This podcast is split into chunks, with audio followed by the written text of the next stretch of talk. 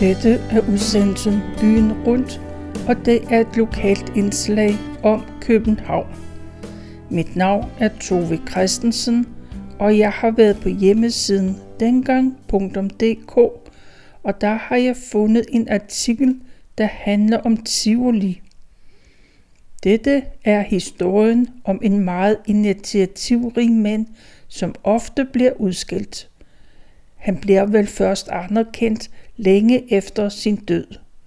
Men det fænomen har vi også mødt hos andre. Dette er også historien om et forlystelsessted, der i tidens løb har tiltrukket millioner af turister. Flere millioner besøgende kommer i haven hvert år. Det placerer Tivoli en af Europas mest besøgte forlystelsesparker.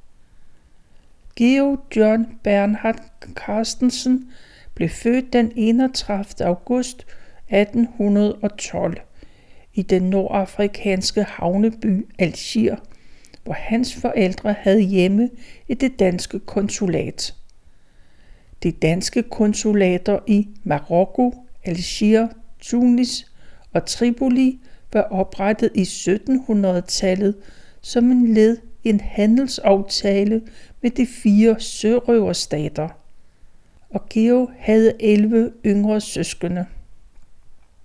Geo kom i skole i efterslægtens skole, hvor han havde til huse i den gamle Pantermestergård i Østergade 54. Mens Geo gik der, var der omkring 120 elever. Det var moderne pædagogiske principper, man gik efter på den borgerlige skole. Men det knep for lærerne selv at kunne leve op til det. Det var ikke de bedste karakterer, der blev præsteret på skolen. Så Geo kom ved hjælp af lidt snyd på Herlufsholm. Det kostede ordentligt 200 ristaler, men så var det også inklusiv kost, logi, varme, vask og pleje og læge, hvis man blev syg. Geo, han fik bundkarakter. Den hed ikke at foragte. Hans opførsel røbede stor letsindighed og mangel på æresfølelse. Det berettede lægeren. Faren kom efterhånden hjem fra Algier og påtog sig nu ansvaret for hans opdragelse. Og han lærte så meget, at han fik anden karakter på universitetet. Og det gik også ganske glat ved andre studier, selvom han glimrede med sit fravær på filosofikum. Alle duelige universitetsstuderende de havde pligt til at indtræde i kongens livkorps og blive der i seks år. Det var den militærgale Frederik den 6., der havde oprettet dette korps. Med undtagelse af de tre højeste officerer var korpsets medlemmer ulønnede.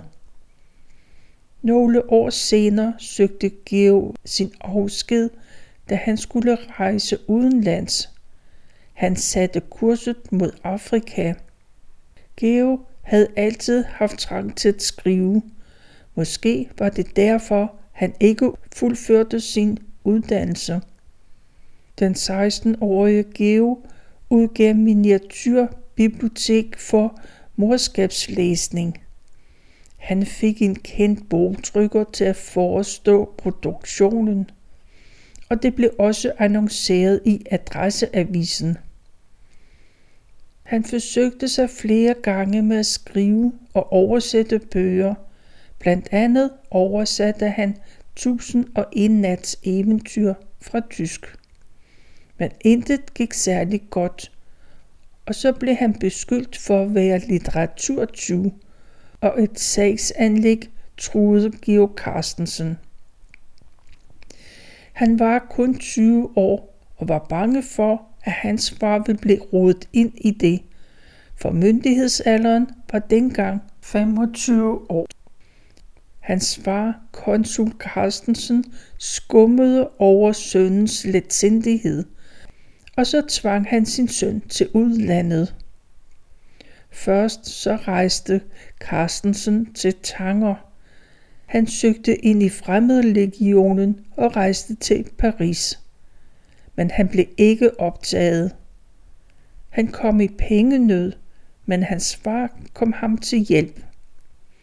I mange måneder hørte man ikke fra ham, men pludselig så fik familien et brev fra Philadelphia. Der underviste Carstensen i fransk. Carstensen vendte tilbage i København i august 1838. Han fik husly hos sin lillebror Edvard. Senere så lejede han et værelse i Store Kongensgade. Carstensen redigerede tre numre af kulturtillægget i bladet Søndag, og han forsøgte sig også med at være skuespiller, men med et meget uheldigt resultat. Et par teaterstykker skrev han dog også med nogenlunde succes. Efter et par nederlag, så var Carstensen klar med et nyt projekt, nemlig bladet Figaro. Figaro skabte stor opsigt, fordi Carstensen havde afholdt fester i Rosenborghaven for bladets abonnenter. Året efter arrangerede han fire fester. Der blev hængt 2000 orientalske lamper op imellem træerne. Der var to orkestre, det ene var et harmonimusik bestående af 70 musikere. Det andet var et orkester, der spillede Strauss. Mellem koncertens to afdelinger blev der underholdt med tyrolersange. Og så var der både skuespil og fyrværkeri. Carstensen arrangerede også indendørs Figaro-fester. Det varede i hele fire dage og var henlagt til Christiansborg Ridehus.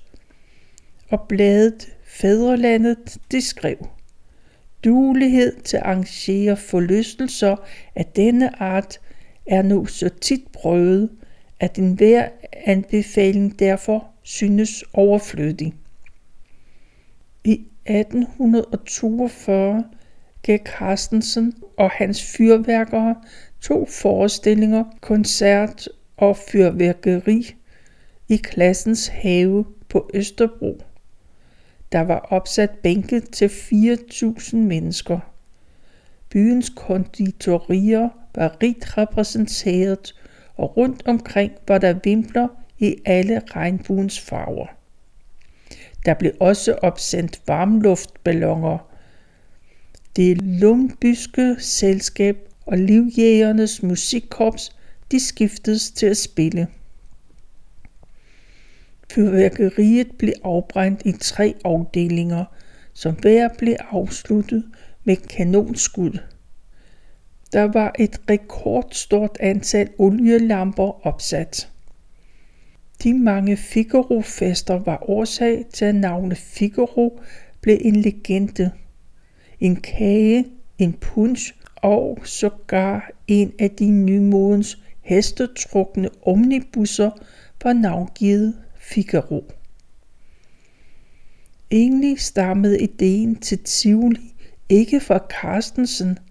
Den stammede fra en indvandrer. Det var Meyer Hermann Bing. Han var søn af den hollandske jøde og var arving til firmaet H.J. Bing og søn. Overskuddet det investerede sønnen i Christianshavns dampmølle, og han leverede startkapital til porcelænsfabrikken Bing og Grøndal. Sammen med kunstdrejer Nygaard søgte Bing i 1841 kongen om at etablere et tivoli i stil med forlystelseshaver i andre byer. Ansøgningen blev offentliggjort i Berlingske Tidende. Carstensen greb ideen. Hans fremtidige arrangement hed nu Vauxhall Koncert og Tivoli. Bing protesterede, men det blev afvist af magistraten. Georg Carstensen gik nu for alvor ind i konkurrencen. Men Spinks ansøgning var løst formuleret, så var Carstens ansøgning meget mere konkret. Der fremgik, at han regnede med at investere 15-20 rigsdaler. Der skulle være en koncertpavillon, et tivoli, et kosmorama eller panorama, en lavtbrændende fyrværkeri, gynger og russisk glidebane eller rusjebaner. Der var kejlebaner og andet tivoli-spil, en billiardpavillon, en restaurant, kaffehus samt diva for tobaksrygning. Og der skulle være konditorpavilloner, for bare at nævne nogle af Georg Carstensens idéer. Den største forskel fra Bing var, Carstensen søgte om en fem års bevilling og selv foreslog at betale den sædvanlige afgift til fattigvæsenet på 5% af en entréindtægten. For en god ordens skyld, så blev Bing orienteret, men han ønskede ikke at matche Carstensens ansøgning. Den jordlod, som Carstensen var interesseret i, den lå imellem Vesterbro Allé den nuværende Vesterbrogade og voldgraven, tømmerpladsen ved Kalvebrud Strand og dronningens enghave. Carstensen havde været i audiens hos kongen. En vandrehistorie fortæller, at han havde sagt til kongen, at så længe folket morer sig, så laver de ikke revolution. Der blev udbudt aktier men allerede tidligt var man klar over, at det ville koste mange flere penge at bygge Tivoli færdig, end selskabet havde i sin kasse. Men endelig åbnede Tivoli den 15. august 1843 kl. 4 om eftermiddagen. Da sæsonen sluttede syv uger senere, så havde 178.475 gæster besøgt etablissementet. Fra Vesterbro Allé så spacerede man ned i haven af Zigzag alene på ryggen af den lave jordvold langs bredden af fæstningegraven. Lige inden for porten af lavningen på venstre side af alléen stod det kasseformede teater fra ridehuset midt mellem to traktørsteder, der solgte fadøl, snaps og smørbrød til rimelige priser. Koncertsalen var flankeret af to caféer i tyrkisk stil. Det var Diva 1 og Diva 2. Til højre for indgangen, der stod Tivolis fornemmeste bygning, Bazaren – det trefløjede træhus havde udskårne drager på taghjørnerne, vejrdrager på tagryggen, og fra en vimpelstang vejrede det kinesiske flag. Midtersektionen rummede en førsteklasses restaurant med spejlvægge og hvide due på bordene. Hver af sidefløjene var et overdækket galleri af luksusforretninger på ræd og række. De øvrige butikker de fristede med tobaksvarer, med flaskeøl, likør, kager, chokolade, frugt, blomster og handsker eller silketørklæder. De kørende forlystelser var anbragt bagerst i haven. I den ene jernbanekarusel tog man plads i et legetøjstog med åbne vogne, mens et seksmands hornorkester spillede på livet løs. Det andet, det var rusjebanen. Den bestod af to fire etagers trappetårne, der var forbundet af to modsatsrettende pukkelpister med gelænder. Af andre attraktioner kan nævnes en riffel- og pistolskydebane, en udendørs cirkusmanege og en vokskabinet med bibelske motiver. Så var der fire overdækkede gondoler. Her kunne man sejle løsture til stadsgraven fra Tivoli Grund til Tømmergraven og Vesterport og tilbage igen. Haven havde åbent fra morgen klokken 6, og så blev der ringet en halv time før midnat, så gæsterne kunne nå at gå igennem Vesterport, inden der blev lukket. Entréen den var en mark for voksne og 8 skilling for børn. Forlystelserne kostede 8 skilling, men underholdningen den var gratis. Og der var vinermusik og operamelodier fra hver sin tribune i koncertsalen. I dagslys så så det hele lidt kulisseagtigt ud. Men når mørket faldt på, blev det fuldstændig forandret. De simple træhuse blev forvandlet til østerlandske paladser. Buskæser blev til paradishaver, og voldgravens muddervand blev til en svanesø. Det var militæret, der forlangte, at bygningerne kun måtte laves af træ, lærred, glas og andre lette materialer. Så kunne de hurtigst muligt rives ned, hvis svenskerne eller andre fjender pludselig dukkede op. Publikum opførte sig generelt pænt. Billetpriserne holdt fattige folk på afstand. Slagsmål, sjofelheder og synlig utugt blev ikke tolereret. Ofte så spacerede Georg Carstensen selv rundt i haven for at føre tilsyn. Berlinske Tidene og Aftenbladet priste Tivoli i høje toner. Landets mest yderligere gående avis, Københavnerposten, der var Georg Carsten en folkefjende, der stod i ledtog med kapitalen og aristokratiet.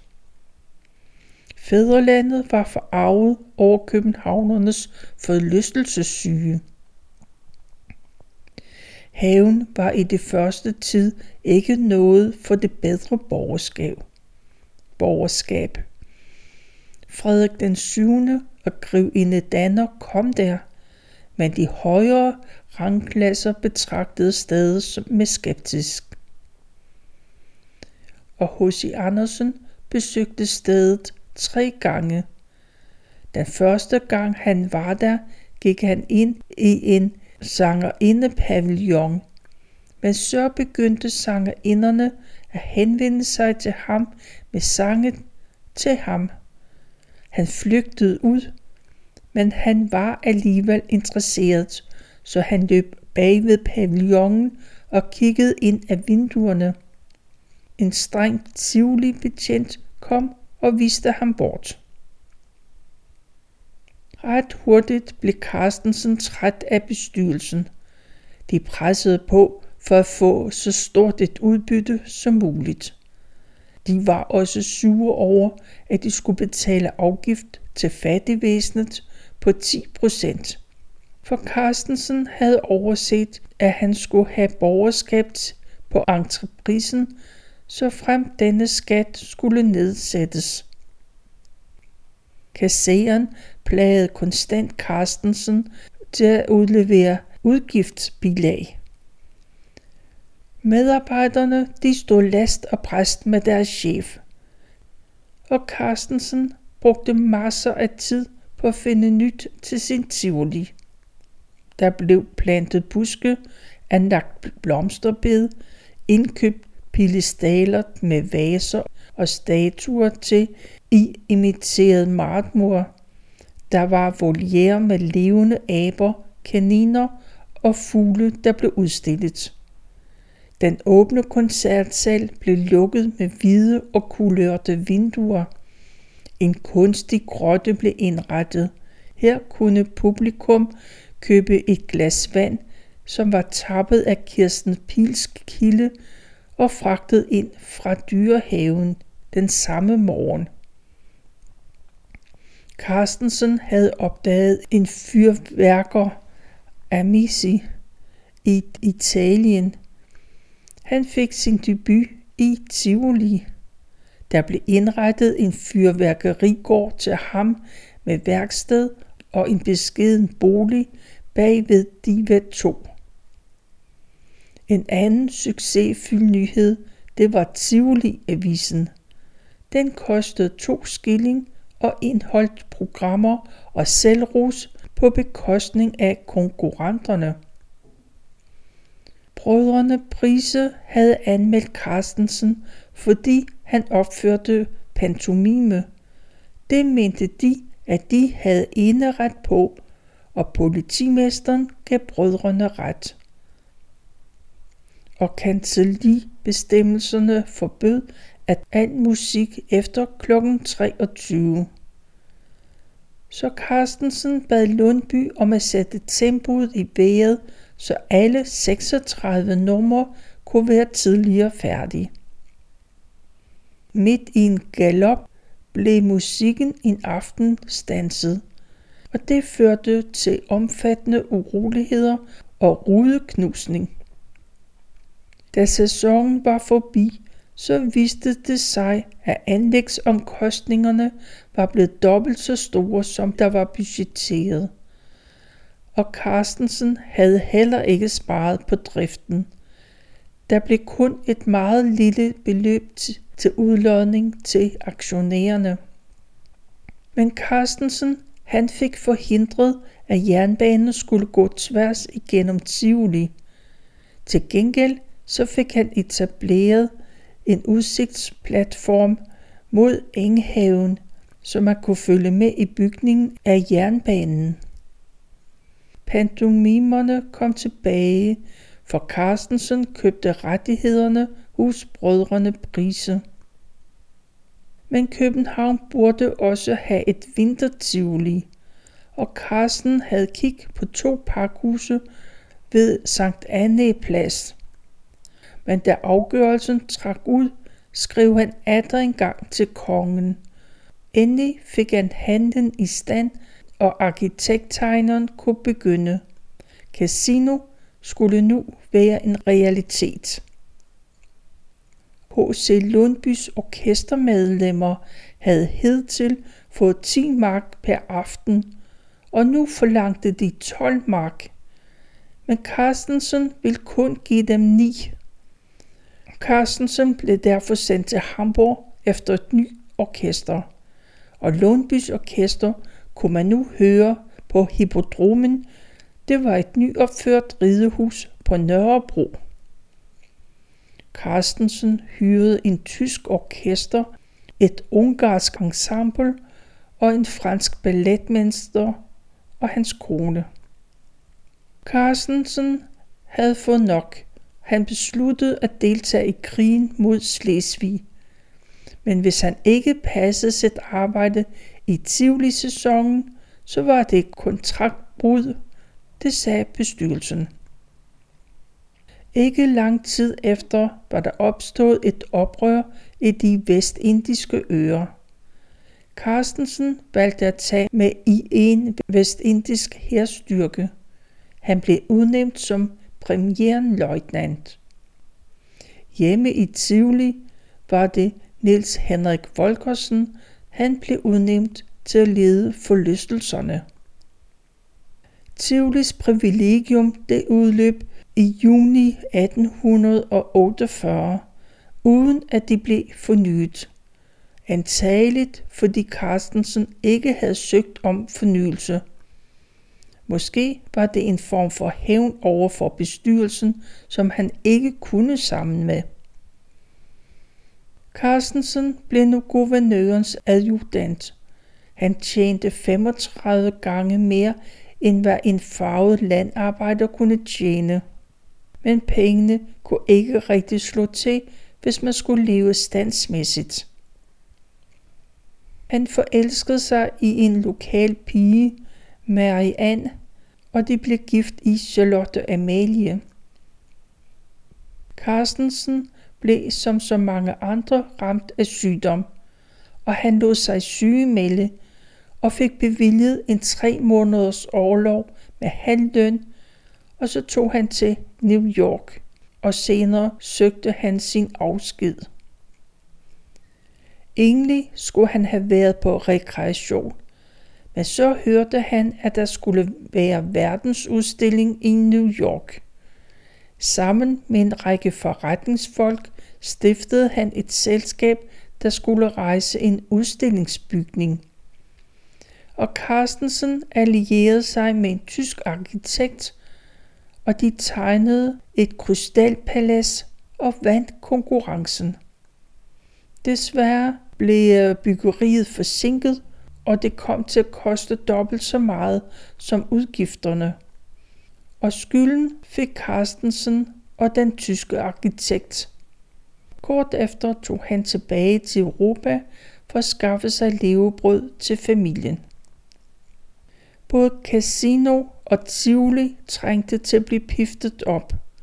Carstensen mente, at han var manden, de ventede på, men der blev stillet modkrav. Sandheden var, at der var ingen, der ville have Carstensen, da han barslede med et nyt forlystelsessted. Han fandt det passende sted på Frederiksberg Allé. På højre side, lige efter runddelen, lå en stor forlystelsesgård alene lyst. Der boede musikhandler Hornemann. Han ville gerne udleje grunden til Carstensen.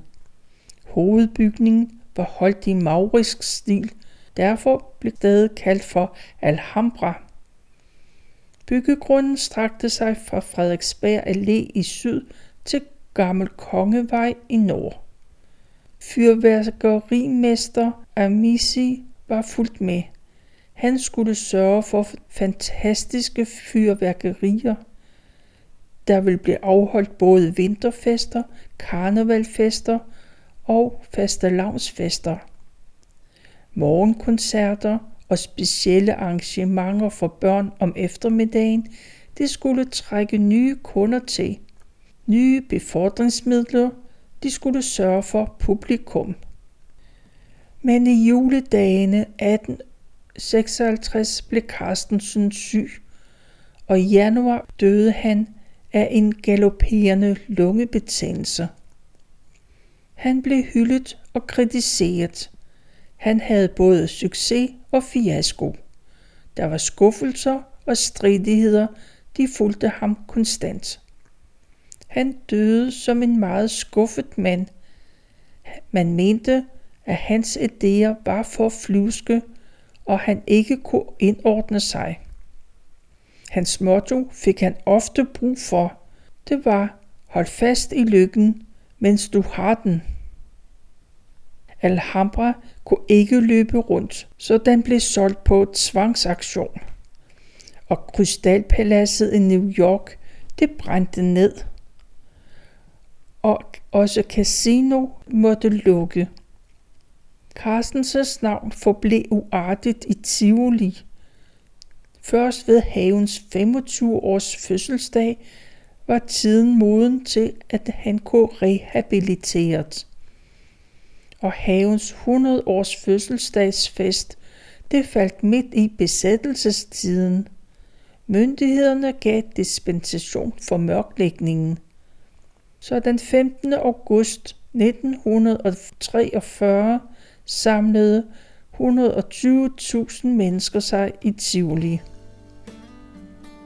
Det er, hvad jeg har valgt at læse fra artiklen Tivoli, som jeg har fundet på hjemmesiden dengang.dk.